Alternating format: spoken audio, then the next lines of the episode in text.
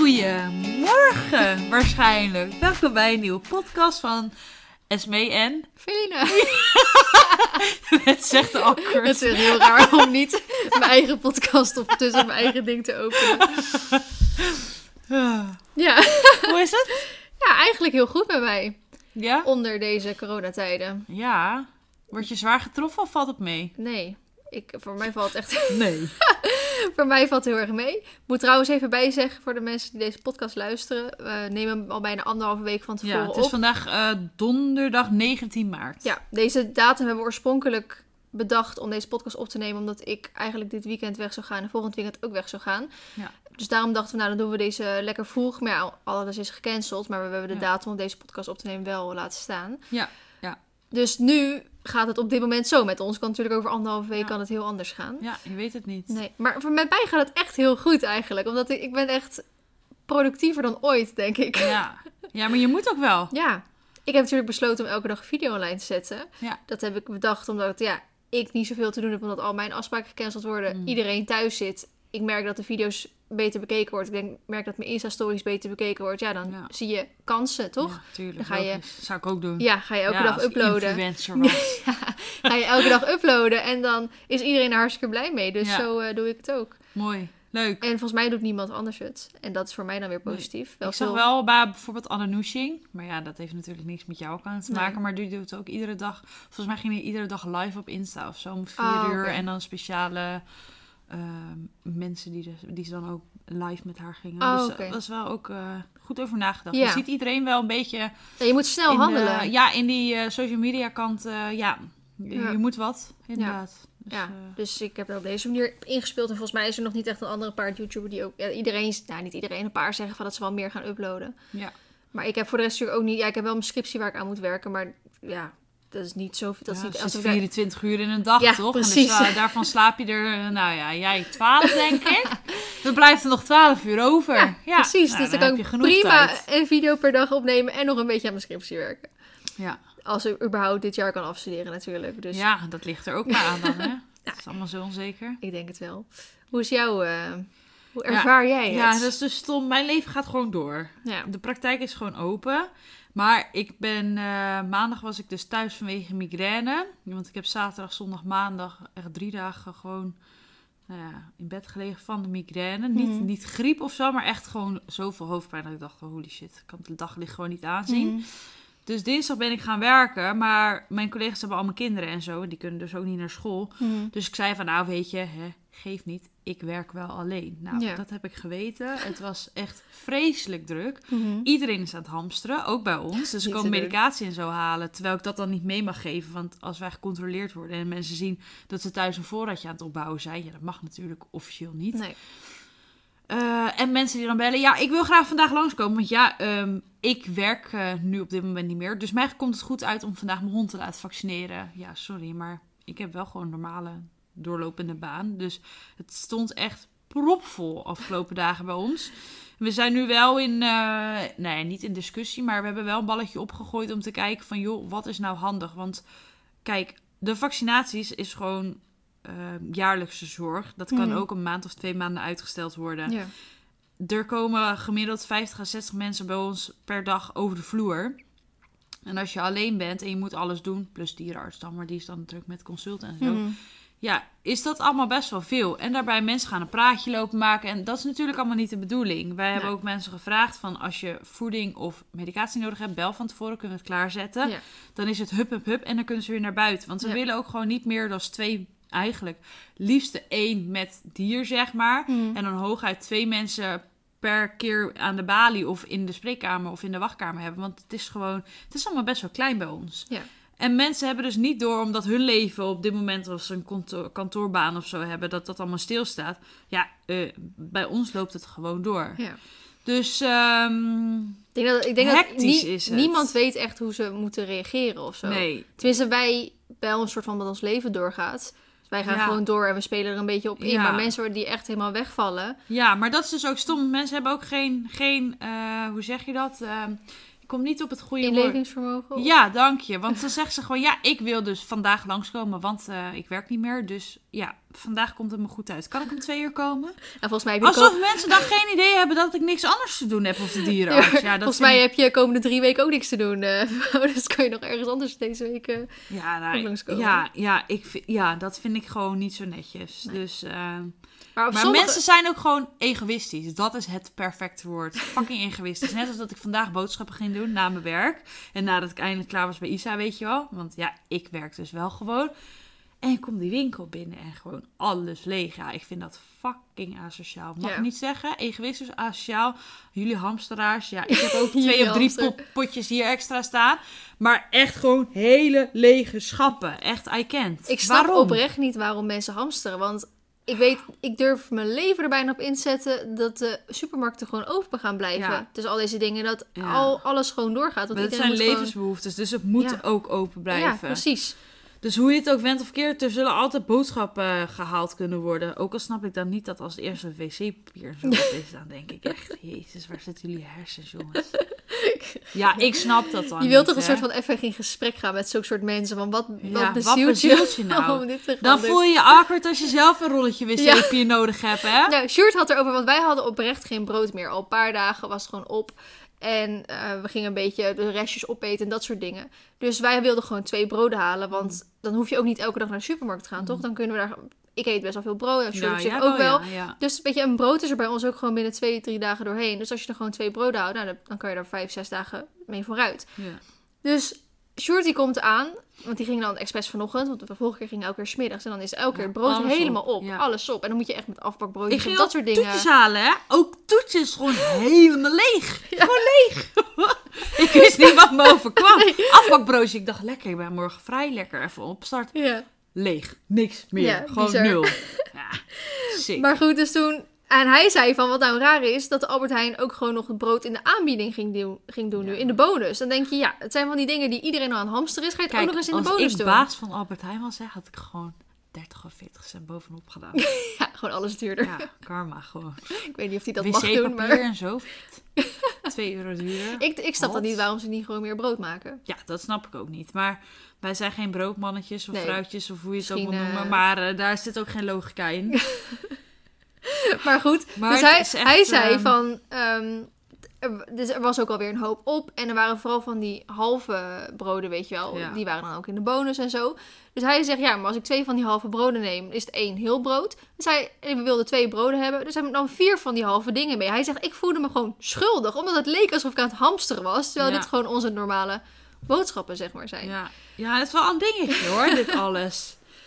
Ja, spannende tijden, zullen we maar Ja. zeggen. Maar ik ben blij zolang wij nog gewoon op stal eh, mogen komen. Dus eh, dat is voor Ja, mij het zijn belangrijkste wel bij ons van. strakke regels aan verbonden hoor. Ja, ja, Ja, geen eh, vreemde mensen en dat soort dingen. En. Maar ik vind het wel... Kijk, ik, ik, tuurlijk, ik snap dat je regels moet opleggen. En ik snap dat er iets moet gebeuren. En dat er een soort Ja. richtlijn is waar mensen zich aan moeten houden. Maar aan de andere kant denk ik... Ja, maar of ik nou met mijn paard in het bos aan het rijden ben... of ik ben met mijn paard bij iemand anders in de bak aan het rijden... Ja, en ik kom ook ook niet uit. contact met mensen. Nee. Kijk, dat je niet met z'n Nee. zessen tegelijk dan moet gaan doen, dat En snap ik kijk, goed. sowieso, totdat er geen totale lockdown is, vind ik dat we gewoon... eh, dat dit gewoon prima is. Ja, maar wat ik ook met eh, mijn stal-eigenares vandaag had, die zei ook van, want de, de manege, weet je wel, lessen zijn ook allemaal gecanceld. En nu rijden in manege lessen natuurlijk vaak best wel veel mensen tegelijkertijd. Maar ik las ook wel ergens in de regels dat je met niet meer dan vier mensen tegelijk in een 2040 bak mag. Dat dat een soort van de grens is. Maar dan denk ik, ja, de lessen bij ons op stal waren met vier mensen tegelijk. Dus waarom mag Ja, een les dan mag niet? dat niet? Terwijl jullie, als jullie aan het rijden zijn, mag het wel. Dan mag het wel. En kijk, Ja. nu gaat het natuurlijk ook wel een beetje om de ouders die dan aan de bakrand staan. Die staan wel eh, lekker dicht op elkaar. Kijk, dan snap ik het. Maar dus ik, het is gewoon lastig. Ja. In wat voor richtlijnen. En ik denk dat je gewoon... Tuurlijk, je moet je zoveel mogelijk eraan proberen te houden. Maar aan de andere kant moet je ook gewoon je eigen gezonde verstand gebruiken met wat Ja, wel dat en niet is gewoon kan. het belangrijkste. En als je denkt van, nou, ik voel een griepje opkomen, Ja, stay safe. stay safe. ik heb nog echt... Heb jij wel... Ja, ja, ja, migraine dan, maar... Ja, oh. Ik heb voor de rest nog niks eh ik kom, ik kom ook gewoon niet met mensen in aanraking. Nee, Wel, of nu met ja, nu met jou. Of eh, laatst waren we bij Sjoerd's ouders op bezoek. Ja, of een keer in de supermarkt. Voor de rest, ik kom echt niemand... eh, Nee. Ik heb natuurlijk ook niet echt een baan waardoor ik echt met mensen in contact hoef te Ja, komen. ik wel, hè? Gewoon, Ja. ik, wat ik zeg, 50, 60 mensen op een dag, denk ik. Ja. Ja, dus dat, is wel, dat vind ik wel een dingetje hoor. En mijn moeder is natuurlijk ook wel een zieke patiënt nu. Ja. Dus daar merk je dan wel extra druk om. ja. Maar ga je nog langs je moeder dan of niet? Nou, ik dacht misschien als ik me gewoon goed en fit voel, dat ik morgen even ga. maar ik ben de hele week nog niet geweest. Nee. Ik durf dan gewoon niet. niet. Nou, Ook ik met migraine en zo dacht ik, oh shit, Ja.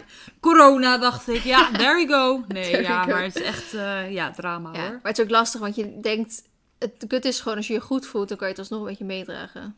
Ja, Toch? alleen ik denk dan persoonlijk, want ik word al van dit ziek, weet je wel. Met mijn, met mijn holtes en mijn longen en zo. Ik heb Mhm. sowieso ook astma, dus dan is het altijd dat ik wat zwaarder getroffen word of zo. Dus Ja. ik ben dan vaker al wel ziek, of zwak, of weet ik veel. Ja. Dan, dan een gezond... eh Ja. ja, ik ben dus echt nooit ziek. Echt gewoon klopt nooit. even Ik, af. ja, ik heb echt... Nou, dat had ik toen een keer gedaan, hè. Ik had ook al gezegd... De volgende dag kotsen Ja. boven de play. nou, dat, ik ben nooit ziek qua eh, kotsen, dat soort dingen. Dan heb ik dus ook migraine. Ja. Maar ik was dus eigenlijk standaard vroeger gewoon één of twee keer per jaar verkouden. Ik kon het er gewoon vergif op innemen dat ik in januari verkouden was en een keer in de zomer verkouden was. En dan was ik het gewoon drie weken heel erg en daarna was het ook weer weg. Dat ging echt jarenlang zo door. En op een gegeven moment was ik dat ook niet meer. Ik was al drie jaar lang niet meer verkouden geweest. Nou, daar was ik echt intens gelukkig mee, want het zijn dan verschrikkelijke periodes. ja. En ik weet nog goed dat ik dat zei. Toen was ik de première van White Star, van die film van Britt Dekker. Toen had ik, eh toen was een dresscode. En Ja. ik had geen bijpassende hakken. Dus ik had even eh, cheap eh, hakken ergens vandaan gehaald. Nou, die dingen lopen voor geen meter. Ik had ze niet ingelopen. En er was best wel een stukje lopen vanaf het parkeergarage naar het Tuschinski Theater. En dus op de heenweg ging het al niet helemaal goed. Dus ik had ze al uitgedaan tijdens de film, zeg maar. Dus op de terugweg, nou dat ging ook niet goed. Had ik ze maar gewoon uitgedaan. Ben ik op mijn blote voeten, midderdag, Amsterdam, in ok- Oh oktober of november of zo, ben ik door Amsterdam gaan lopen. Nou, wat voor bacteriën daar allemaal op straat liggen, weet ik ook niet. En toen ben ik me verkouden geworden daarna. Ja. Short zegt dus dat dat niet kan, omdat een verkouden een, ook een virusje is die eigenlijk van mens op mens, zeg maar, overgedragen moet worden. Maar het kan, het kan niet dat ik al drie, vier jaar lang niet verkouden ben geweest. Dat ik één keer met mijn blote voeten ja. een kwartier lang Het over zal straat sowieso wel loop. die kou te Ja, maken hebben hoor. Dat denk ik ook. Dat moet wel. Want ik word soms ook gewoon... Ik heb dan meteen holteontsteking, hè. Gewoon de hele, de hele shebang krijg ik. Gewoon bam. Dan, kan ik, dan moet ik werken, weet je wel. En dan kan ik mijn hoofd... Ja, ik zit het nu voor te doen. Het heeft natuurlijk geen zin, want hier zit geen camera. Maar dan kan ik mijn hoofd niet eens gewoon naar voren kantelen. Want dan lijkt het alsof mijn ogen uit mijn kop puilen zo, hè. Zo'n zeer doet dat. En dan moet ik... eh, dat duurt ongeveer... eh, Drie weken, dan gaat het een week goed en dan begint het weer. En zo een hele winter. Dat had ik vorig jaar. Ik dacht dat ik gek werd, ja. Dan zit ik elke keer bij de KNO en dan zeggen ze... Ja, we kunnen niks zien in je holtes. En ja, je amandelen zien er ook goed uit. Dus die gaan we er ook niet uithalen. Ja, nou, dat is echt vreselijk. Dus ik hoop dat corona mij voorlopig niet treft. Nee, maar aan de andere kant, ja, voorlopig. Want je Ja. moet het eindelijk ook, eigenlijk ook alweer een soort van een keer gekregen Ja, hebben. maar dan hoop ik dat het gewoon een beetje afgezwakt is of zo. Ja, want het wordt gewoon weer een soort van nieuwe griep, toch? Ja. Dat en mij iedereen moet het een keer krijgen en dan ben je Ja, en dan ben je voor. En dan, ja. eh, En het is me dus ook niet duidelijk of dat je het meerdere keren kan krijgen of niet. nee, Dat weet ik dus niet. nee. En eh, in verband met vaccinaties en zo, maar daar... Ja, eh, maar dat duurt jaren voordat ze daar wat voor hebben, Ja. denk ik. Maar al, althans, er zijn nu wel heel veel mensen natuurlijk mee bezig. hmm, Maar voordat je nou, Getest in hebt eh, en, eh, Nederland eh, zitten 17 miljoen, eh, zeven- eh, 17, 17 miljoen mensen. mensen. ja, voordat je daar al voor al die millies eh, een vaccinatie Ja. hebt. Ja, weet je, duurt nog wel even. Ja. Ik had toen ook gelezen, maar er gaat zo vreselijk veel nepnieuws rond. Ik Ja. helemaal gestoord van, want ook iedereen die staat rondsturen. En dan denk ik, stop gewoon met alles rondsturen. Stuur alleen iets rond als het van de fucking regering komt of zo. Of van een hoogleraar of zo. Zoek die, het uit. Ja, Als je, ik word helemaal gestoord van mensen die alles... Ik krijg ook echt praktisch elke dag krijg ik iets van een random persoon die ik al een half jaar niet gesproken heb. Krijg ik iets doorgestuurd. En dan krijg ik ook gewoon twee minuten daarna weer... Sorry, was een nepbericht. Weet je wel? Ja. En dan denk ik, ik word, ik word zo van iedereen die alles aan het rondsturen is. Want zo heb ik dus ook gehoord dat Trump... Dat er in Duitsland of zo al een soort doorbraak was in de vaccinatie. En dat Trump een of ander bot heeft gedaan. En die wilde zeg maar dat vaccinatie kopen. Dat alleen de mensen in Amerika dat vaccinatie dus konden krijgen. en de rest jongen. en de rest van de wereld niet. Ik zie het hem eigenlijk ook nog wel doen. Ja, het zou, het zou me niks verbazen als het echt zo was, snap je? Maar het- het- ja, ik weet dus ook niet dus of dit zo'n echt of net bericht is. Maar ik ga Ja. er gewoon vanuit dat het een net bericht is. Ja. En ik word zo gestoord van al die berichten. Dat, eh, en dat Rusland ook weer er tegenop aan het bieden was of zo, weet je wel. Altijd Ru- Rusland versus Altijd eh, een Trump. Jeetje, Mina. Dus, ja, eh, maar Trump was wel negatief getest. Dus die heeft het niet. Die heeft het niet. Nee. Ah, wat vervelend nou. Zet. Nou, kom op, let's go. Begin Ja? jij? Ik eh, zal beginnen. Oké. Hm. Volgens mij, eh, eh, nee, ze hoeft niet anoniem te zijn, dus komt ie aan. Hoi Feline en Esme. Ik ben Lieke en ik ben best onzeker over mijn gewicht. Ik vind het trouwens best knap dat wij van binnen een minuut tijd van Trump naar de mail toe gaan. Oké. Ik ben Lieke en ik ben best onzeker over mijn gewicht. Zelfs als ik in de spiegel kijk, denk ik dat ik heel dik ben, vooral mijn hoofd. Maar als ik door de weerspiegeling van een raam kijk, zie ik dat mijn benen echt stokjes zijn. Ik weet ook niet wat mijn gewicht zou, zijn, zou moeten zijn en of dit oké is. Als ik het aan mijn ouders vraag, zeggen ze alleen: ja, je hebt een klein beetje ondergewicht. Maar ik wil weten wat ik nu moet doen. Ik ben 1,62 meter en ik weeg 39, 40 kilo en ben 13, bijna 14. Veel mensen zeggen dat ik te dun ben, maar als ik in de spiegel kijk, is dat dus niet zo. Heb jij misschien tips om aan te komen? Hebben andere tieners hier ook last van? En wat zou het perfecte gewicht zijn? Groetjes, Lieke. En ze hoeft dus niet anoniem te zijn. Ja, kijk, wij zijn sowieso geen diëtisten. dus laten we dat voorop stellen. En het probleem is, Feline en ik houden vreselijk veel van eten. Het is alleen heel erg vervelend, want Feline die eet drie keer zoveel als mij, als ik, dan ik. en daar zie je het niet aan. En ik kijk wel naar patat en ik word al 10 kilo zwaarder. Dat is dus heel oneerlijk van deze wereld. Dus daarom zeg ik alvast, wij zijn geen diët diëtisten. Dus als je het allemaal zeker wil weten, raad ik je gewoon aan om naar een huisarts te gaan. Of naar zo'n eh, GGD. GG... GGZ, ja, maar diëtiste is... eh, ik ben zelf ook naar een diëtiste gegaan eh, twee jaar geleden, denk ik alweer. Toen woonde ik nog in de Ronde. Omdat ik dus wilde aankomen. En ik niet wist hoe het moest en of het lukte. Want ze zegt, ik ben 1,62 meter en ik weeg nou, ongeveer 40 kilo. En ik ben 13, bijna 14. Ik denk dat ik dat ook wo- woog op die leeftijd. Ik heb tot mijn... eh, moet ik het goed zeggen? Ik kocht Marley toen ik... Want zo eh, weet ik het ongeveer. Ik kocht Marley toen ik 14 was. Dus ik reed Magic nog ongeveer bij toen ik 15 was. En op Magic ehm, was, mocht, die had op een gegeven moment, die had volgens mij Cushing. Hmm. Die mocht niet meer dan 40 kilo eh, dragen. En ik woog, was dat er net boven of zo, ik zat 45 kilo of zo. Nou, ik ben nu 1,67. Dus toen ik ongeveer dus ook eh, die leeftijd had, was misschien ook eh nou, 1,65 of zo. Of één- nou, één- tussen de 1,60 of zo. Dus ik denk dat ik op die leeftijd Ja, ook wel zoiets... ja. eh, en ik heb ook altijd... ehm, ja, Maar hoe ben je aangekomen dan? niet. ik ben nog steeds niet op het gewicht waar ik eigenlijk zou moeten zijn. Maar daarom wil ik zeggen... Maar hoe kan dat? Ja, dat weet ik ook niet. Maar, Ja, dat is toch oneerlijk? maar daarom, zij vraagt, wat zou het perfecte gewicht moeten zijn? Maar Ja, er bestaat geen perfect gewicht. nee, iedereen is anders. Nee, want ik heb heel kijk, vaak... voor iedereen is kijk, voor jou is het perfecte gewicht misschien 5 of 6 kilo zwaarder. Voor mij is het perfecte gewicht voor mij 20 kilo lichter. Ja, nou, ik kan niet in mijn vingers knippen en ik ben er in één keer of Nee, zo. Maar het is gewoon... Het heeft weer een beetje stofwisseling te maken en weet ik het wat. En kijk, als je in de spiegel kijkt en je denkt, je denkt ik ben te dik, dan gaat er iets fout. Hè? Kijk, Als je, 40 kilo weegt wel, ja, ja. als je dan 40 is kilo hebt, dan gaat er iets fout. Ja. Dan moet je gewoon beseffen, dit hoort niet zo. En als je daar hulp bij nodig hebt, dan zou ik hulp zoeken. Maar ik wil je, wij willen jullie in ieder geval nu vertellen, je bent zeker niet te dik. Buiten dat je bent nog in de groeifase. Dus ga alsjeblieft nu niet jezelf uithongeren of eh, andere dingen doen die niet goed voor je zijn. Want je lichaam heeft nu al die vetjes eventueel nog nodig om Ja. te groeien en zo. Maar je, er is geen perfect gewicht. Want er zijn genoeg mensen die mijn ehm, leeftijd en mijn lengte hebben. En die wel 10 kilo zwaarder zijn. En die er hetzelfde uitzien als dat ik ben. Dan denk ik, huh, waar, waar zit die 10 kilo dan? Ik heb echt het gevoel dat ik lichte botten heb of zo dan. En Ja, dat die dat dan- kan, hè? Dat is echt geen grapje, dat kan. Ja? Je hebt, sommige mensen hebben gewoon zware botten. Maar naar mij. Nee, nee. nee, maar maar, dat- je, je hebt sommige mensen inderdaad... Ik had vroeger ook een jongen in de klas en die woog echt... Nou, ik, ook inderdaad 10 kilo zwaarder als de rest. En dan dacht je echt, "Pff, waar zit dat? Weet Ja. je wel? Hoe dan? Ja. Dus volgens mij eh, klopt dat wel. Ja. En ik denk, als jij, voor zover jij je gewoon zeg maar goed blijft voelen, Ja. als, als hoe je nu bent, als in niet dat je een keertje ziek bent en je eet weinig en dat je dan gelijk flauw valt. En Ja. dat, dat merkte ik. Ik had, ehm, ik merkte het heel erg op evenementen. Dan kon ik natuurlijk al een week van tevoren niet eten. ja, dat voor En- jou echt een...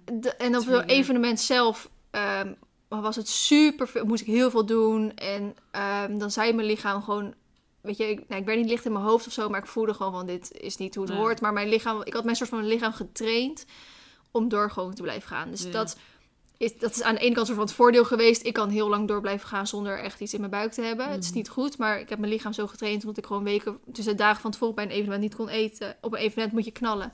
En pas daarna kon ik eten.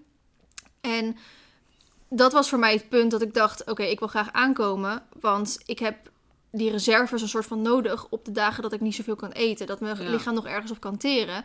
En ik ben toen naar een diëtiste gegaan... Ehm, die zei ook van, nou, dit, je bent oprecht de eerste persoon die naar me toe komt en die zegt ik wil aankomen, want ik heb alleen maar mensen die, afvallen. die willen afvallen. Dus ik heb vooral geleerd, eh, ik, wat Esmee ook zegt, ik eet echt gigantisch veel. En Ja, dat is is gewoon echt- lastige. Het is echt asociaal. Jij moet een, een video maken met eh what eh, did I eat eh, today? Iets in die trant. Het, mensen gaan schrikken. Ik zweer het je.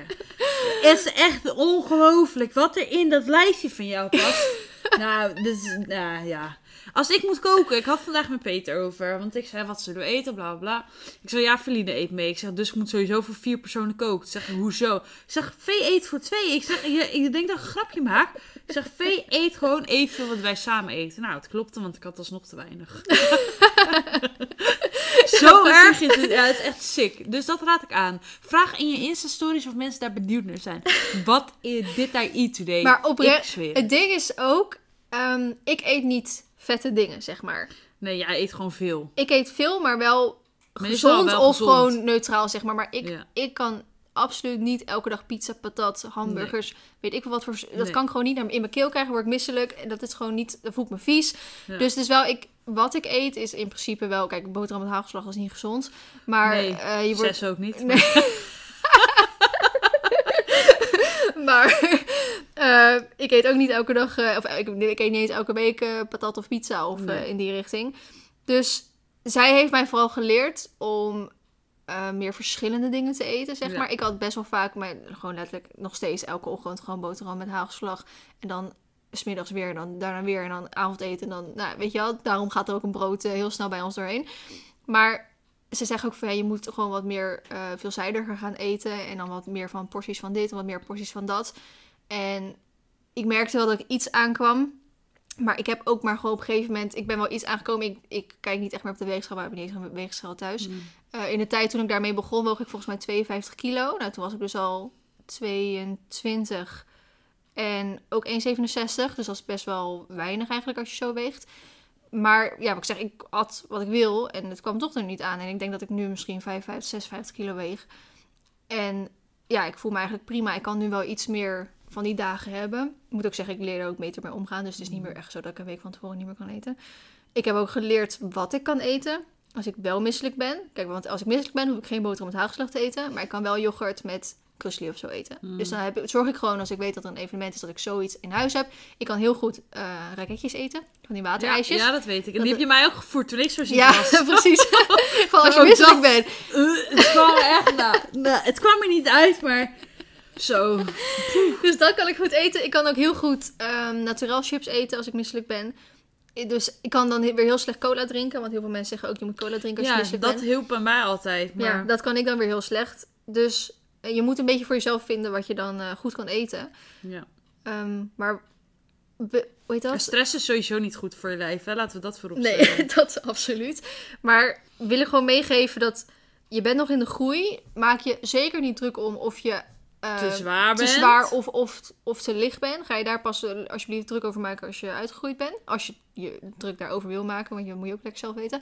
Maar ja, en mits, dus het, mits het dus geen eetstoornis Nee, precies, is. dat wil ik je- echt wel... eh, zorg alsjeblieft dat je dat niet gaat krijgen en dat je je daar ook zo ver mogelijk van afhoudt. En zo te lezen in de mail heb je nog geen eetstoornis. Je bent wel onzeker en als je naar jezelf kijkt heb je wel dat je jezelf te hoofd, eh, te hoofd, ik zie het woord hoofd, te dik vindt.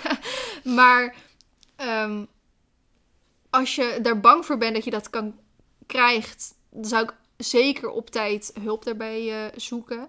Eh, dat je ondergewicht hebt of dat je ouders zeggen dat je een beetje ondergewicht hebt, is absoluut niet erg. Want ja, dat, dat hoort ook een beetje bij eventueel je bouw of, of je leefgewoonte of wat dan ook. En dat je hoofd trouwens, eh, dat bedacht ik maar, als je hoofd een beetje dik is. Ik moet zeggen, als ik foto's van mezelf terugkrijg, van toen ik dus die leeftijd had, had ik ook een veel bollere kop. Terwijl ik echt ruim 5 kilo minder nou, en kijk eens hoe goed ze opgedroogd Ja, is, kijk. die meid. Dus Nee, ja, maar we lachen er nu om. Maar het Ja. is inderdaad... eh, het is lastig ook, hoor. En vooral op zo'n leeftijd, als je dan zo onzeker Ja, bent maar en zeker inderdaad.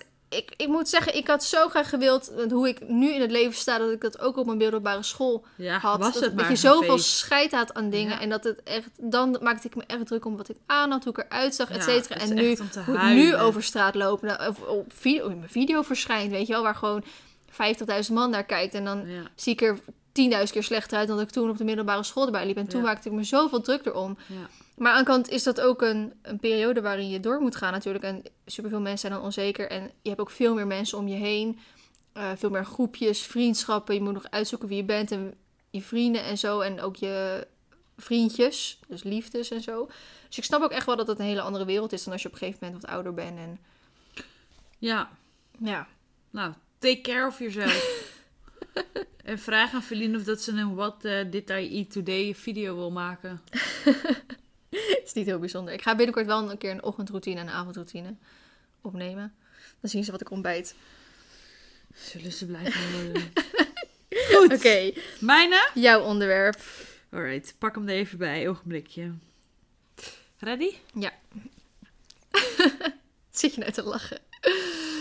Hallo Feline en Esmee. Allereerst wil ik zeggen dat ik jullie beiden volg en fantastisch vind. De podcast luister ik dan ook met ontzettend veel plezier. Ik heb een vraagje.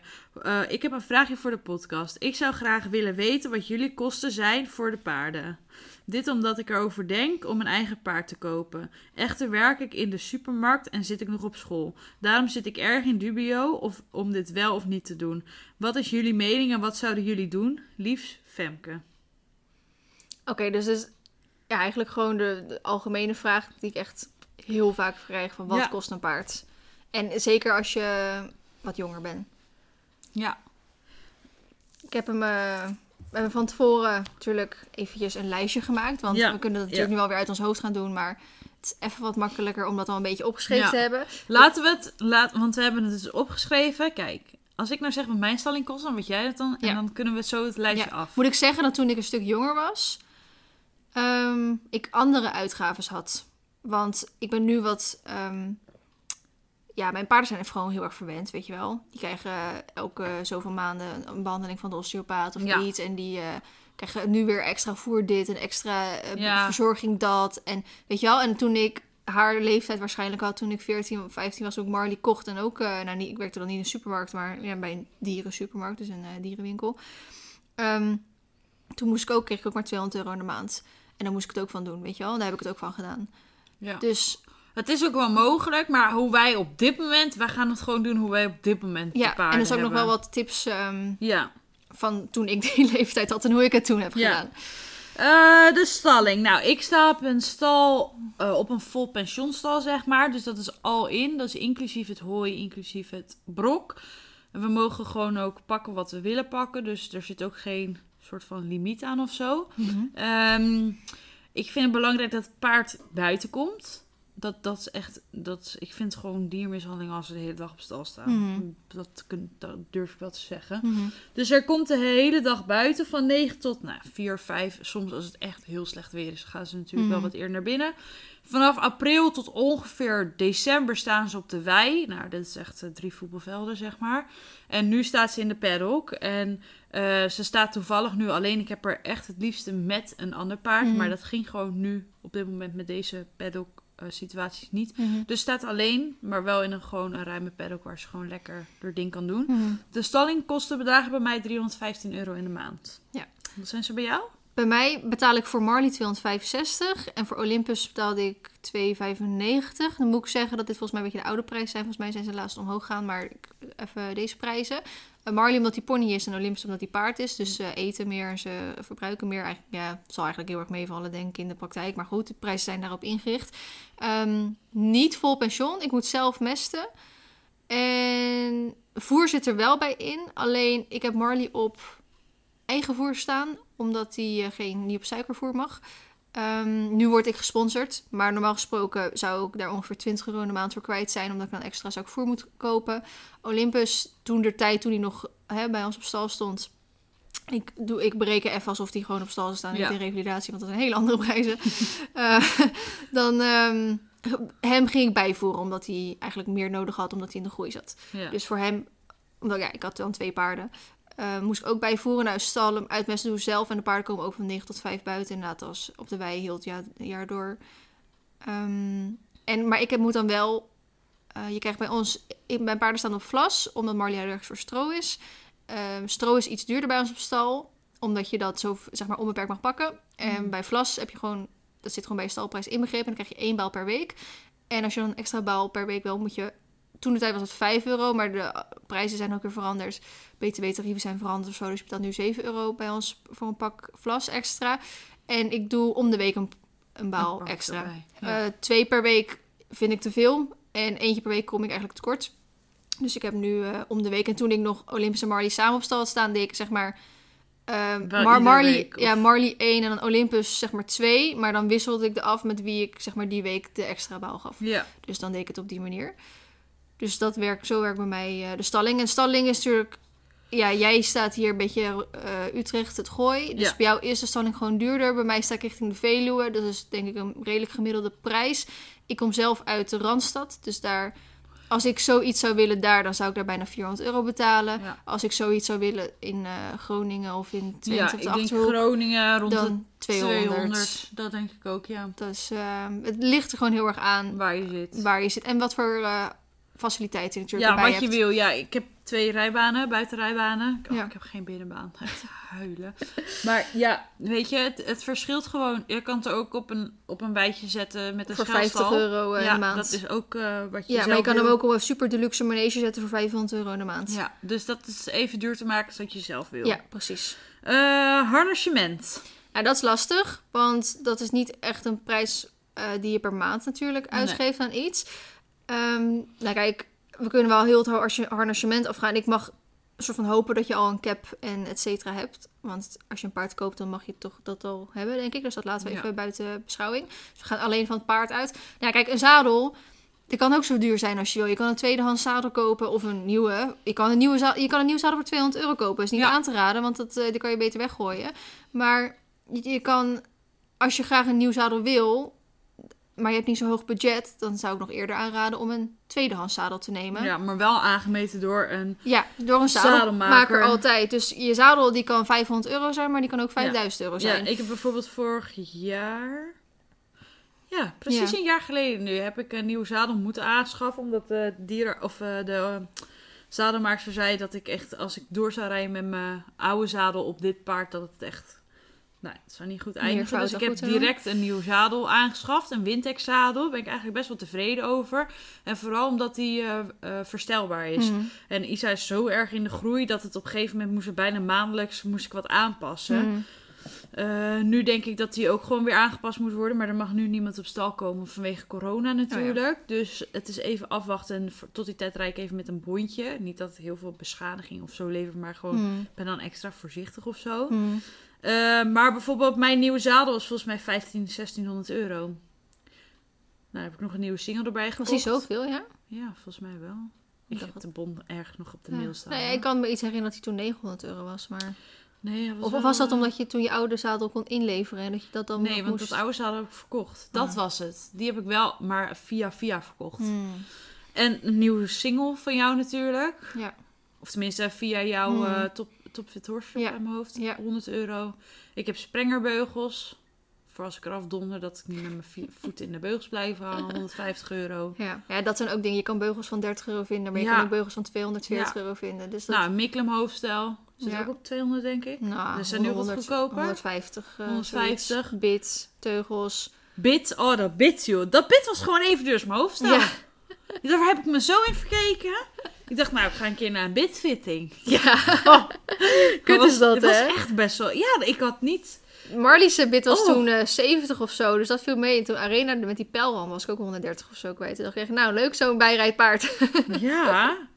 Dus dat is inderdaad... ehm, ja, en jij krijgt denk ik veel gesponsord. Ja, ik krijg best wel veel eh, gratis. Maar goed, ik heb praktisch vroeger, zeker op deze let, heb ik ook alles zelf moeten aanschaffen. Maar dan vroeg ik ook best wel veel voor mijn verjaardag, weet je wel. Ja. Dus voor Marlies' zadel toen de tijd, dus dat was inderdaad zo'n goedkoop ding. Maar dat was een boomloze, dus ik kon niet heel veel kwaad doen. Ehm, heb ik van mijn ouders gekregen voor verjaardag. En mijn Tecna, die ik daarna mijn dressuurzadel kocht. Was dat een Tecna? weet ik niet meer. Ja, volgens mij wel. Heb ik tweedehands of zo gekocht voor Ja. eh 500 euro. Weet je wel, dus zo heb ik het opgestapeld. Want mijn springzadel nu was nieuw 1500 en met dressuurzadel nieuw. Heb ik wel wat korting voor gekregen. Ehm, omdat ik natuurlijk veel voor countermail doe. Maar dan was het gewoon rustig 2600 euro of zo. Ja. Dus, maar die, die was helemaal aangemeten. En ik weet ook zeker, dit zadel hoef ik in principe nooit... Dit zadel gaat net zo lang mee als dat Marley meegaat, zeg maar. Ja. Omdat Marley niet meer groeit. Hij, eh, we hebben ook, ik durfde niet zo goed een aangemeten zadel aan te schaffen. Want ik dacht, ja, elke winter en elke zomer verschilt hij nog zo Ja. erg qua bespiering en zo. En dan heb ik weer even een paar maanden dat ik wat minder, eh, minder vaak rij. En dan weer wel. En dan verschilt hij zo. En toen hebben we dat elke drie maanden, elk half jaar, hebben we dat eerst gewoon twee jaar lang zitten ja. meten. En hij zei, eigenlijk heeft hij al twee jaar lang dezelfde boommaat. Ja. Dus ik, durf het echt wel aan om je aangemeten zadel. Ja, Dus- wel netjes dat ze zo ook met Super je meegedacht hebben. ja. En niet meteen doorgeduwd van ja, hup, hier Nee, heb je een precies. aangemeten zadel, niet zo zeuren. Ja, precies. Dus je kan je zadel echt... Maar goed, ik heb in het begin ook... eh, ik heb heel lang tweedehands zadels... ik heb altijd tweedehands zadels. De Ja. zadels die ik nu heb zijn mijn eerste nieuwe zadels, zeg zadels maar. zijn ook echt dingen, dat is gewoon rip uit je lijf. Ja, en dan moet je ook gewoon Ja, sorry. Accepteren. Want zadel, Ja. als je niet een goede hebt... Nee. dan doet hij meer fout En- dan goed. En dan kan je nog meer kosten ja, kwijt zijn. Ja, daarom. daarna. En mijn zadelmaakster die er op dat moment, nou ja, toevallig, nee, die hadden we gevraagd natuurlijk. Die had alleen Windtech en Bates. Mhm. En Bates is de dure, duurdere variant Ja, van ik heb één voor. Arena. Ja, sorry. Dat beet, ik, ik, ja, het paard was al niet gepland, hè. Vorig jaar ook al nog steeds niet. Dus dat beetzadel kon ik echt niet betalen. Want het Hmm. gaat vanaf 2500 slash 3000 euro. Oh, sorry. Veel was die van mij niet. Ja, het zijn allemaal nieuwe zadels wat zij eh, had Ja. liggen. Toen dacht ik echt, ja, sorry. Ja. Ja. dat gaat me echt te ver, helaas. En dat Windtech is echt prima. En het zit Ja. echt fantastisch en fijn. Windtech en, vroeger was, vond ik echt flutspul. Maar Windtech ja, tegenwoordig is echt wel... eh, echt wel, ehm, ja. ja, echt prima zadels. Tandarts.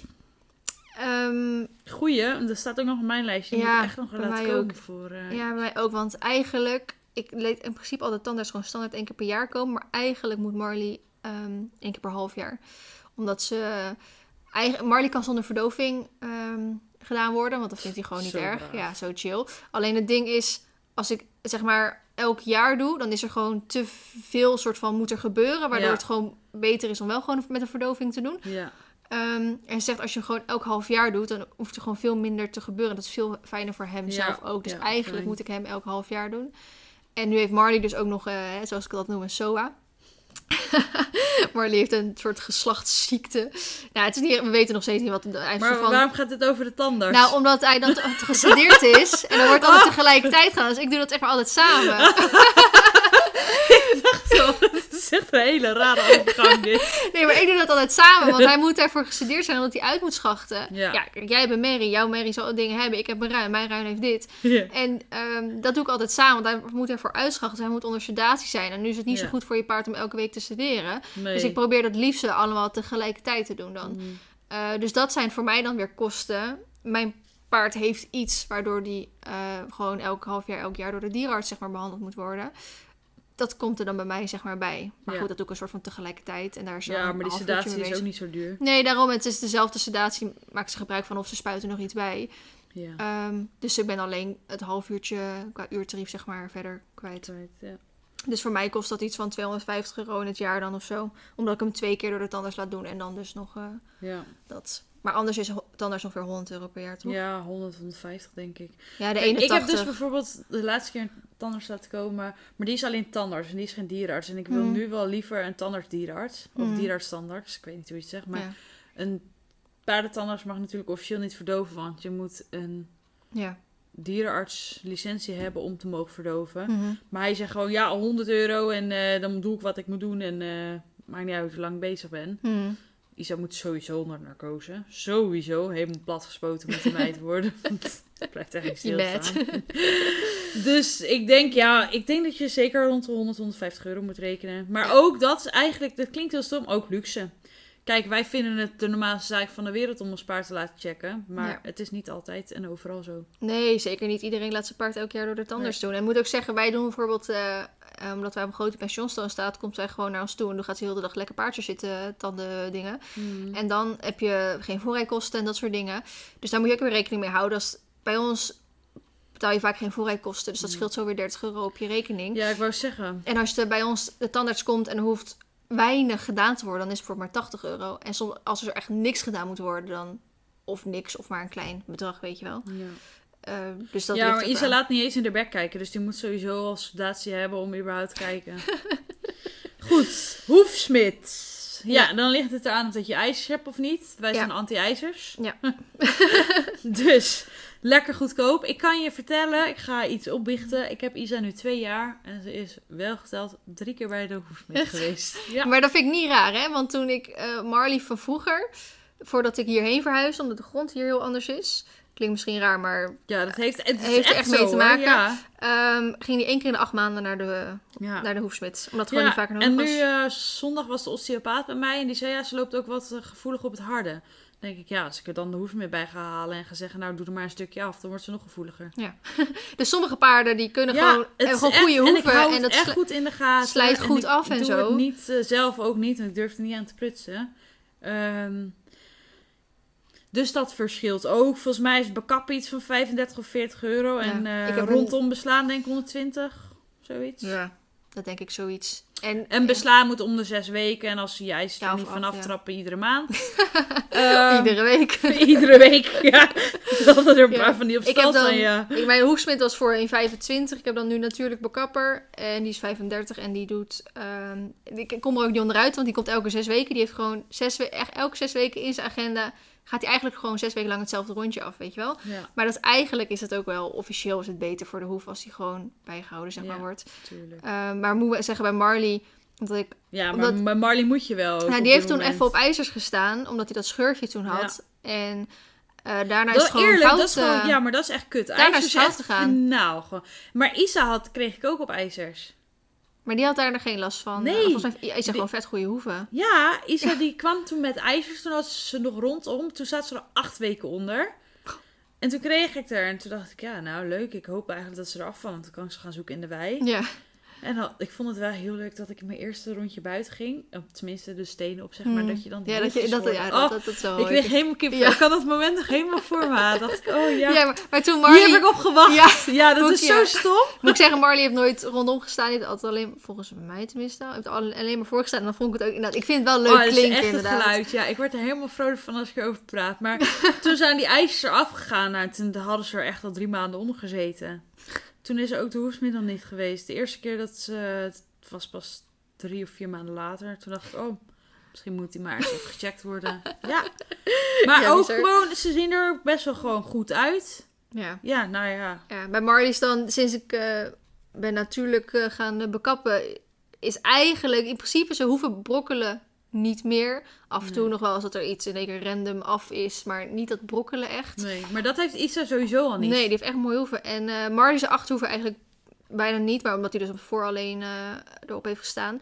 Maar kijk, weet je, ik kom met Marley uit ehm ja, Maasluis. Dat ligt een beetje een zeeklei eh, gebied. En dat is gewoon, we staan hier op zandgrond. Dus het is hier gewoon veel droger. En ik ga hier veel meer op buitenrit. En dan kom je Ja. best wel vaak eens op die wortels terecht van die bomen, weet je wel. Dus zijn hoeven zijn Jij daar... gaat sowieso wel vaker op buitenrit als ik ook, hè? Ja, Ik precies. bedoel, dus de eh, hoeven zijn er en eh, grindpaadjes en dat soort dingen zo. Ja. Dus ehm Marley liep ook nooit kreupel op grind. En sinds hij van die ijzers af is, is loopt hij daar voorzichtig op. ja. Maar dat is voor mij echt geen reden om er dan weer ijzer onder te gaan zetten Nee, of zo. je het zit dan weer in, die, cir- in dit ja, cirkeltje. precies. Het Het is, moet gewoon, gewoon uit. het is gewoon wachten tot het Ja. eruit gaat. En het Mensen als... zeggen ook wel eens, ja, als mijn ijzer afgaan, ja, een paard eh hoeven zijn zo slecht. Ja, maar ik denk, vet, het kan rustig, doe ik er maar weer ijs onder. Ja. Nee, zo werkt het, het niet. kan rustig twee jaar nodig. duren voordat... Eh, het zeker hoe, hoe, langer, nodig. hoe langer die eronder staat, hoe meer het eh, natuurlijk moet. Ja, Dus, eh, kijk, nu snap ik op zich wel als je echt eventing rijdt en je moet stiften draaien en zo, weet je, dat is weer er zijn andere altijd uitzonderingen. Of als je echt super veel op het asfalt rijdt of zo, Ja, weet je maar wel. dat doen wij niet. Nee, dat doen wij allemaal niet. Dus kijk, tuurlijk, er zijn uitzonderingen en ik ben ook weer helemaal niet eh, helemaal anti-ijzer. Het liefst natuurlijk wel, maar kijk, er zijn uitzonderingen. Ik bedoel, ik ken ook paarden die medisch gezien op ijzers moeten. Ja. Dus weet je, ik ga me daar niet mee bemoeien allemaal. Eh, want ik ben geen dierenarts, hoefsmid, wat dan ook. Dus ik ga me daar zeker niet mijn vingers aan branden. Maar weet je, als je het niet hoeft, dan hoeft het niet. Ja. En het ligt er dus ook weer echt aan eh, hoe, hoe je paard zijn hoeven zijn. eh, ja, of ze wel Ja. veel aandacht nodig hebben of eh, niet zoveel. En nu heeft Marley ook dat, dat white line disease, dat schimmeltje in zijn hoef. Ja. Nou, daar moet zeker eh, moet er gewoon intensive care eh, gebeuren. Daardoor heb ik ook weer al die eh, smeerseltjes, waardoor ik nog 40 euro in de maand extra kwijt ben om eh, dat te behandelen. ja. Dus ook dat kan alle kanten op vliegen. Next. Osteopaat, chiropractor. Ja, nou, dat is ook weer natuurlijk een luxe ding. Ja. Ik, eh eerste paar jaren toen ik Marley had, wist ik niet eens wat een osteopaat of een chiropractor was. Dus die was er ook zeker niet bij geweest. Tot op een gegeven moment, ik weet niet meer wat. En toen liet ik ook een osteopaat komen. En nu laat ik eigenlijk e- eerst elk kwartaal, omdat toen Marley toen overbelast was. Nou, bijna Ja. elke maand of zo toen. Ehm, en nu één keer in het half jaar of zo. En dat is dan ongeveer 100 euro. ja. Gewoon een beetje onder, eh, dat, dat hij Ja. gewoon... Gewoon even een check heeft, Ja, hè? Gewoon, gewoon- dat je zeker weet eh, dat het gewoon ja, goed is. gewoon onderhoud, eh, Ja, weet je wel? Apenkaartje. Apenkaartje. Ja. ja, want ik heb dus nu ehm, een soort van vaste osteopaat ook Mhm. of zo. Iemand daar, waarvan ik echt denk, oh ja, dat is echt gewoon alles wat zij zegt geloof ik of zo. Zij Mhm. is ook, toen ik Isa net een week had, is zij gekomen om Isa te behandelen. Toen hebben we er 2,5 uur over gedaan, want ze stond niet stil. Ze stond stijgeren, ze sloeg het licht uit je ogen, weet je wel. Het was Ja. echt één groot drama. Maar ze zat ook over de hele lijf blokkade. Ze zat Ja, echt van voor naar achter vast. Het is gewoon overal waar je er aanraakt, Echt, pijn. ja, en dan... alles deed zeer en duurde zo lang voordat we rustig konden benaderen en zo. Dus dat was al best wel eh, een dingetje. En nu is ze afgelopen zondag weer geweest. En ik vind het sowieso altijd leuk om te horen dat ze dan zegt, nou, je hebt er nog steeds, weet je wel. Eh, Ja. Wat goed eh, dat je er nog niet weg hebt gedaan, dat je de mo- moed nog niet opgegeven hebt, want we komen echt van ver, weet je wel. Ja. En toen was ze er dus zondag weer. En de laatste keer dat ze daar hiervoor was, was in september. Mhm. In september liep ze een soort van niet goed. Niet kreupen, maar ze liep gewoon niet rad, zoals wij dat dan zeggen. Mhm. Toen dacht ik, oh jee, straks is er wat aan de hand. Nou, bleek Mm. allemaal hartstikke mee te vallen. Mijn vrouw had gewoon geen zin om die dag te lopen, want daarna was er niks meer aan de hand. maar nu laat ik het dus als onderhoud doen, om zeker te weten Ja. dat mijn trainingen dus ook aansluiten bij haar. Ja. En nu heeft ze natuurlijk de afgelopen keren gekke boksprongen gemaakt en zo. En dan moet ik weten, is dat gedrag? Ja. Of zit er wat vast in de rug of. SI en dat soort gekke dingen.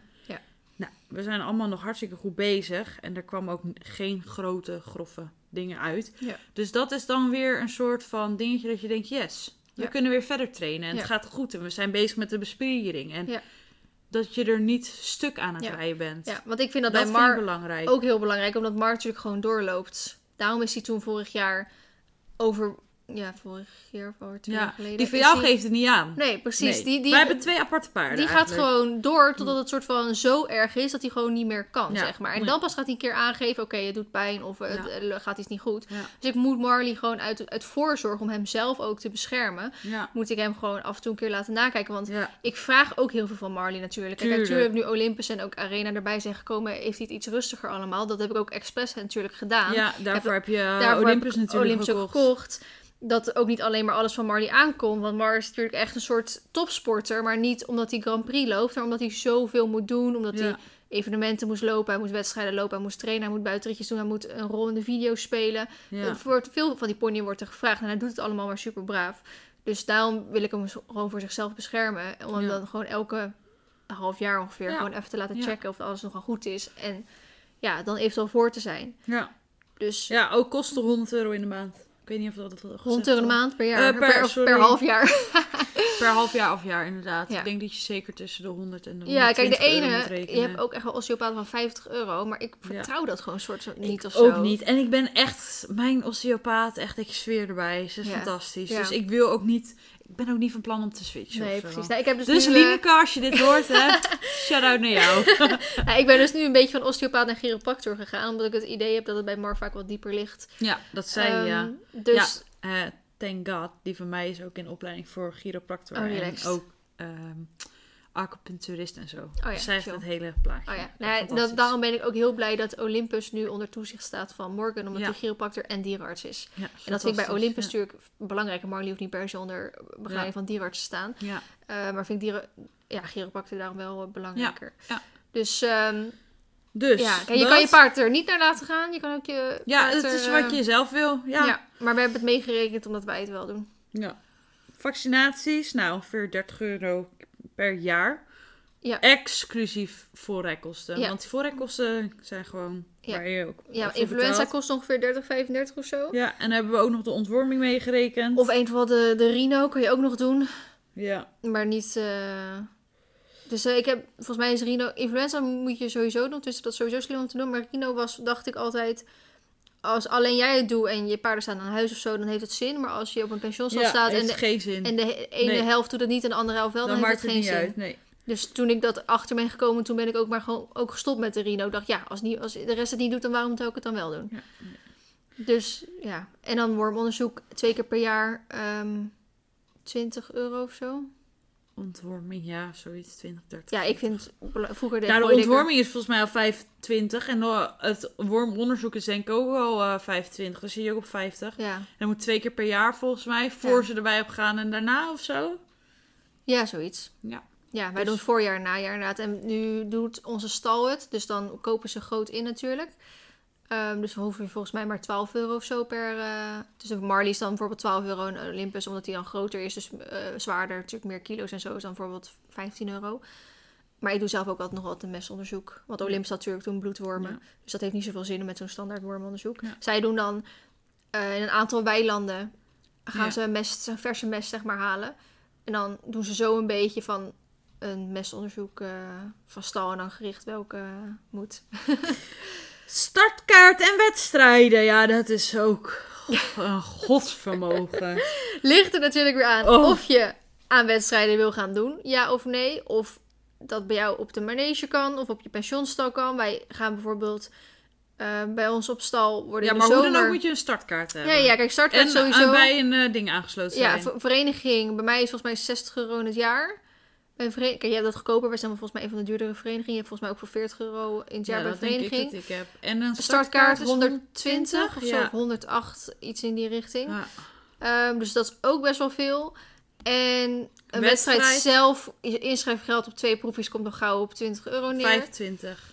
Ja, ik betaal ook nog wel eens 20 ergens. Ja, als je lid 25 bent. Anders is het standaard 12,50 per proef. Oh, oké. Dat kan. En dan, is En dan ga je twee eh, dagen, is 50 euro. Ja. En dan heb je je groom. En dan moet hij wat drinken en zo. Ja, en dan eh, je benzine en eh, je, je brandstof, zeg maar. Trailer. Dus, maar goed, dus ligt er dus weer aan als... Kijk, bij ons in de zomer worden de wedstrijden bij ons op stal georganiseerd. Ehm, Ja. En de manege naast ons in de winter. Dus in principe zou ik zonder trailer weg hoeven gaan. Bijvoorbeeld, dus dan heb ik en de kosten van de trailer niet en de kosten van mijn brandstof niet. Ehm, zou ik volgens mij zo'n... Bij de ene stal waar ik ook geweest ben. Ja, zes, ja, wil je eigenlijk niet op wedstrijd gaan, maar zo'n zes à zeven keer eh, per jaar eh, op wedstrijd gaan. Ja. Dus dat ligt natuurlijk ook weer aan. Maar goed, dan nog, dan koop je een tosti en een, Ja, een colaatje en een... En lessen. Lessen, Ja. lessen, lessen. Ja, Ja. ja. Ik, hoor, ik kan er gewoon niet bij als mensen niet lessen. Hè? Hoor, ik hoor best wel vaak van die Ja. mensen van... eh, ja, ik, ik loop hier en hier tegenaan. Dat krijg ik natuurlijk sowieso heel vaak. Ik loop hier en hier tegenaan. Heb jij tips ervoor? Nou, dan, eh, dan ga ik er gewoon niet eens op in. Dan denk van, je moet gewoon les nemen. Ja. En dan van, ja, ik twijfel om les te nemen. Ja, Tuurlijk moet je les nemen. Je, je moet les nemen. Ja. Zelfs Anke van Grussen heeft nog les. Als, al is het maar één keer in de maand. één keer in de twee maanden. Je moet gewoon les nemen. Ja. Dus ja, dat ook. Kijk, bijvoorbeeld ik les bij mijn eigen instructrice voor 20 of 22 euro of zo per les. Maar, hè, dat, maar dat is mijn stal-eigenares. Dat kan gewoon bij mij op stal. Maar ik les met Arena bij Mireille den Hoed. 60 euro. En dan moet ik ook nog heen met mijn trailer, weet je wel. Ik les met Marley bij ehm, Janneke met eh, springen. Dat deed ik met Arena ook. Ja, Janneke is 35 euro. Weet je wel? Dus het ligt er ook weer aan bij wie je les, hoe duur die is en of je er met je trailer heen moet en hoe vaak je gaat. Ik had, ehm, ik ga, ja, nu is het een beetje een vage periode, maar normaal gesproken heb ik bijna elke week wel, ja, omdat ik nu twee paarden dan rij, had ik bijna elke week wel les. Maar ik heb een tijdje met Marley gehad dat ik een soort van drie keer in de week les zette. Ik had maandag had ik les eh, grondwerk van Romy Huisman. Woensdag ging ik dan springen bij Janneke. En op eh, vrijdag had ik dressuurles bij eh, iemand anders toen. Nou, dan vind je het gek dat Marley toen overbelast werd. Maar ehm, Het lijkt me wel heerlijk om altijd les te hebben als ik ga rijden. het was heel motiverend. en we gingen, ook echt wel, eh, we gingen ook echt wel vooruit. Maar mijn- bankrekening, mijn bankrekening is nog nooit zo hard gegaan. van Nee. allemaal van die kleine uitgaven veel Ja, achter elkaar. echt, Dus ik wil eigenlijk met Arena, omdat wij gewoon als wij op onszelf rijden, het gewoon heel vaak niet goed gaat. Dus met Arena wil ik sowieso elke maand dressuurles hebben, echt. Ehm, ja, kijk, het liefst natuurlijk elke week, maar ik ga niet elke week 60 euro uitgeven aan dressuurles met een paard dat ook niet van mij is. Mhm. En eh, met Arena deed ik wel om de week springen dan, zeg maar. Omdat ik meestal om de week buitenrit deed, om de week springen. Omdat ze best wel veel nog stress ervaart als met de trailer weggaat. Dus ik mocht eigenlijk niet twee keer in de week met de trailer weggaan. Eh, dus ja, dan, gaat, dan deed ik met Arena dus eh, twee keer in de week twee keer in de maand. Dus dan kwam ik op 70 euro uit. En dan alleen nog maar springlessen. Dan hebben we nog geen dressuur. En dan deed ik met Marley ook nog een keer dressuur. Dus dan deed ik een keer bij Anne-Claire deed ik dressuur. Of proefgericht of zo. Nou, was ik ook, eh, weet ik wel, 50, 60 euro kwijt. Dus ik, was rust, ik ben rustig eh 150 euro in de maand aan eh, lessen of zo kwijt. Ja. In de topperiodes, zeg maar. Nu is het allemaal wat eh, kalmer. Dus maar ja, goed, als je één keer in de... Maar goed, ik heb dan twee paarden dan nu. ehm, om te rijden dan. Dus eh, als jij gewoon één paard hebt en één keer in de maand les neemt. Of één keer in de week. Maar- En dat ligt dan ook weer aan of dat bij jou op stal kan. Of dat je in een manege in een groepslessen rijdt. Of dat je Ja. privéles hebt, et cetera. Ja, het verschilt gewoon. Ja. Dus, aan het einde van de streep zitten we tussen de 300 en 500 euro. Ja, 300 red ik het al niet mee, dus ik ga meer richting de 500.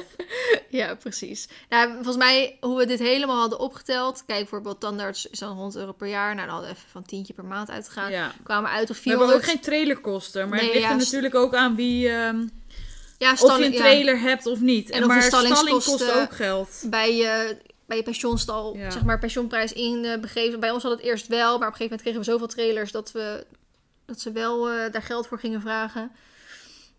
Volgens mij betaal ik eh, of tientje per maand of tientje per kwartaal, dat weet ik allemaal niet zo Ja. goed. Maar we kwamen ongeveer uit op 420 euro per maand voor een paard. En dat zijn dus alleen deze dingen. Hè? Dus dan hebben we de dierenarts, eventueel een verzekering voor je paard en je harnassement aanschaf.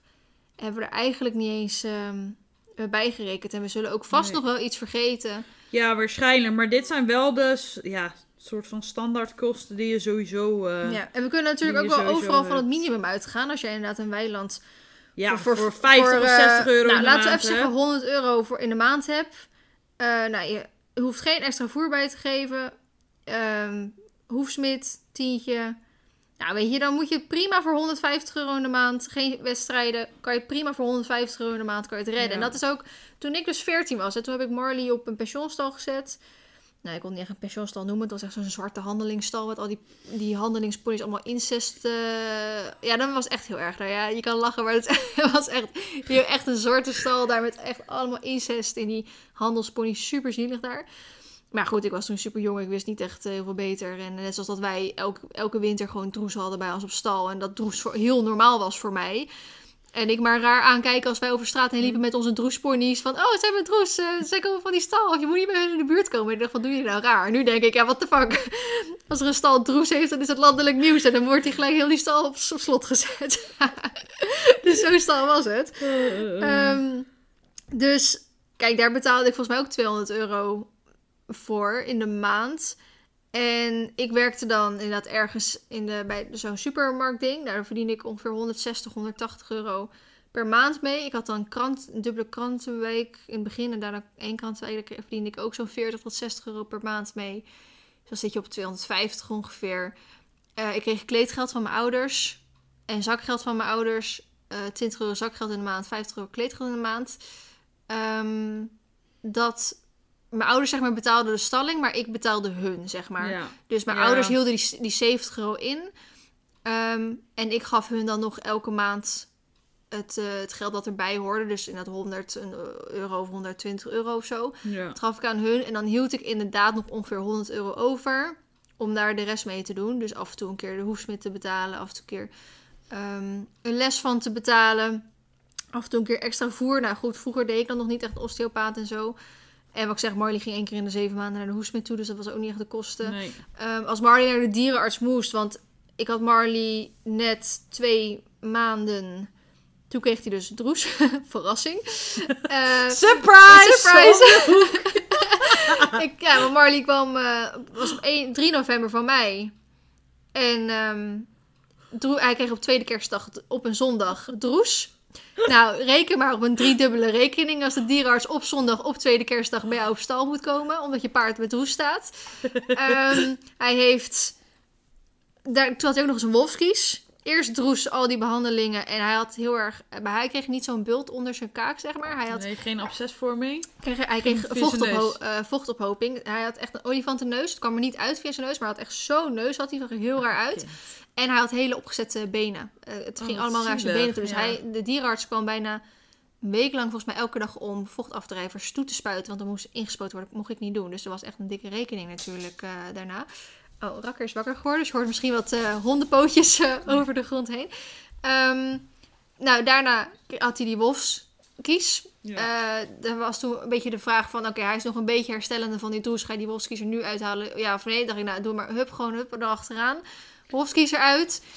Toen in juni, weet ik nog... Want toen dacht ik, van, dit gaat me allemaal niet nog een keer gebeuren. Ik ga mijn paard verzekeren. Verzekering ging in, hè, op 1 juni of 1 juli. Nee, 1 juni. Op 27 mei dat beest heeft iets in de wei uitgehaald. Gigantische wond op zijn been. Nee. Ja, Heb je net... even vier dagen laten Nee, helaas niet. dus eh, Eh, maar wacht even. Ogenblikje alsjeblieft. Er Vier dagen wachten. geholpen. dus weet je, in een, een half jaar tijd had ik al voor 1000 euro aan dierenartsrekeningen. Ja, maar mensen staan daar echt niet bij stil, dus, hè? weet We kunnen daar de volgende keer, als daar mensen vragen naar zijn, wat dierenarts kosten. ja, ik heb nog wel een paar leuke casussen van, Ja. eh, van Marley of van andere dingen. Let's die, go. die Ik daar kan nog jullie wel helpen.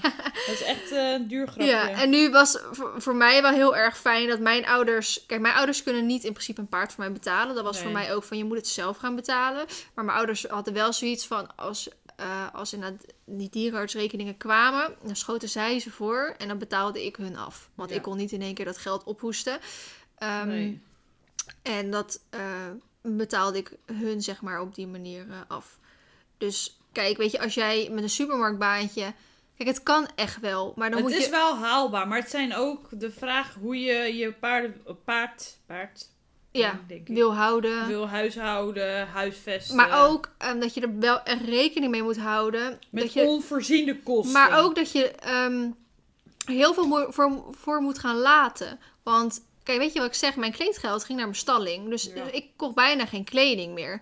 En eh, weet je, nu is een- wel anders. ja, nu is het wel anders. Maar een, eh, een weekendje weg met vrienden toen. Ook al Ja. ging, ga je dat niet echt op je dertiende doen of zo. Maar of gewoon even ergens heen. Dat, dat sloeg ik vaak over. Of gewoon du- andere dure dingen. Of, of veel met vrienden. Kijk, sowieso kon ik niet heel veel met vrienden afspreken. Want je hebt een paard wat je elke dag moest verzorgen. Hmm. Eh, maar ik heb wel veel moeten laten daarom. Om, Ja. Kijk, mijn vrienden allemaal, hadden allemaal een iPad. Weet je wel, dat was toen. Was Ja, een iPad nog helemaal helemaal, eh, ma- helemaal in. Eh, een iPad was toen nog niet zo'n groot ding. Net zo, zo groot als je laptop. Maar dat was toen nog echt nog zo even groot als je... Oh nee, iPod was dat. Eh, iPod. iPod heb je nu bijna niet meer, hè? Nee, ik weet niet of dat er nog is. eigenlijk. Ja, maar goed, toen kwam die iPod net op. En al mijn vrienden hadden een iPod. Ja, ik had er niet, omdat ik het geld er niet voor had om dat te kopen. Omdat, eh, nee. Dus je moet, je moet wel rekening houden als je niet zo'n groot budget hebt. Kijk, het kan echt wel nogmaals in een bepaalde vorm dan. Ehm, maar je moet er waarschijnlijk wel veel voor gaan laten. Je nou Ja, dat is wel belangrijk inderdaad. En als je dat niet kan of wil, ja, ja, het is dan weer waar je prioriteiten liggen. ja, want ik heb echt nooit spijt gehad van ehm, dat ik op mijn veertiende al mijn nee, eigen dat paard kan heb ik gekocht. begrijpen. En dat is ook wel een soort van ehm mijlpaal misschien wel. Ja, Dat je kan zeggen, kijk, dit, dit heb ik wel even geflikt. Snap Ja. je? Ja, maar ik heb, want wij hadden het er ook net over toen we een ijsje gingen halen. Ik kan me ook gewoon niet. Ehm, voor mij zijn dit soort bedragen gewoon zo normaal dat een dier zoiets kan kosten. Ja. En dat ik dit ook gewoon elke maand kwijt ben Ja. aan zoiets. Ja. Ja, ik, kan, ik vind het ook normaal, want ik ben, ik ben natuurlijk dierenartsassistent, dus ik weet wat het allemaal kost. Ja. ja, precies. Maar ja, ik snap wel goed, vooral voor ouders die dan eventueel daar niet in zitten, dat ze dat misschien eh, lastig te begrijpen vinden. En, en ja, je moet wel gewoon ook even zo, of je moet je paard verzekeren, of je moet echt een potje achter de hand hebben, of je moet je ouders eh, goed bespreken dat zij het eventueel voor kunnen schieten. Ja. Want wat ik zeg, ik moet zeggen, Marley heeft dus in het eerste half jaar dus voor bijna 1000 euro aan dierenartskosten gemaakt, maar eigenlijk daarna nooit meer. Nee. Ehm, kijk, zijn hij, oog. ja, nou, met zijn oog af en toe. Uh, hij heeft die SOA dan, hè. Dus dat, eh, dat eh, moet hij... eh, ja. Ja. dat zijn de terugkomende dingen. Maar hij heeft gelukkig nog nooit koliek gehad. Hij heeft nog nooit eh peesproblemen gehad. Dat, je, dat hij Nee. kreupel was. Of andere... Hij heeft nog nooit daarna echt een wond gehad of zo. Hij heeft af en toe dus nu met zijn oog of, eh, of iets. Dus dat is ook het enige, enige, weet je wel. Dus, maar goed, met Olympus is bijvoorbeeld weer anders. Die eh, gingen we even onderzoeken. Daar was ik 4000 euro lichter daarna. Maar goed, dat was ook wel voor mezelf. Ik bedoel, ik ging hem onderzoeken. Ik had niet echt, echt een aanleiding om hem te gaan onderzoeken. En ik liet hem door de CT-scan gaan. En ik liet hem daardoor gaan. Nou, menige paardeneigenaar had al lang gezegd van... hier stop ik. Ja.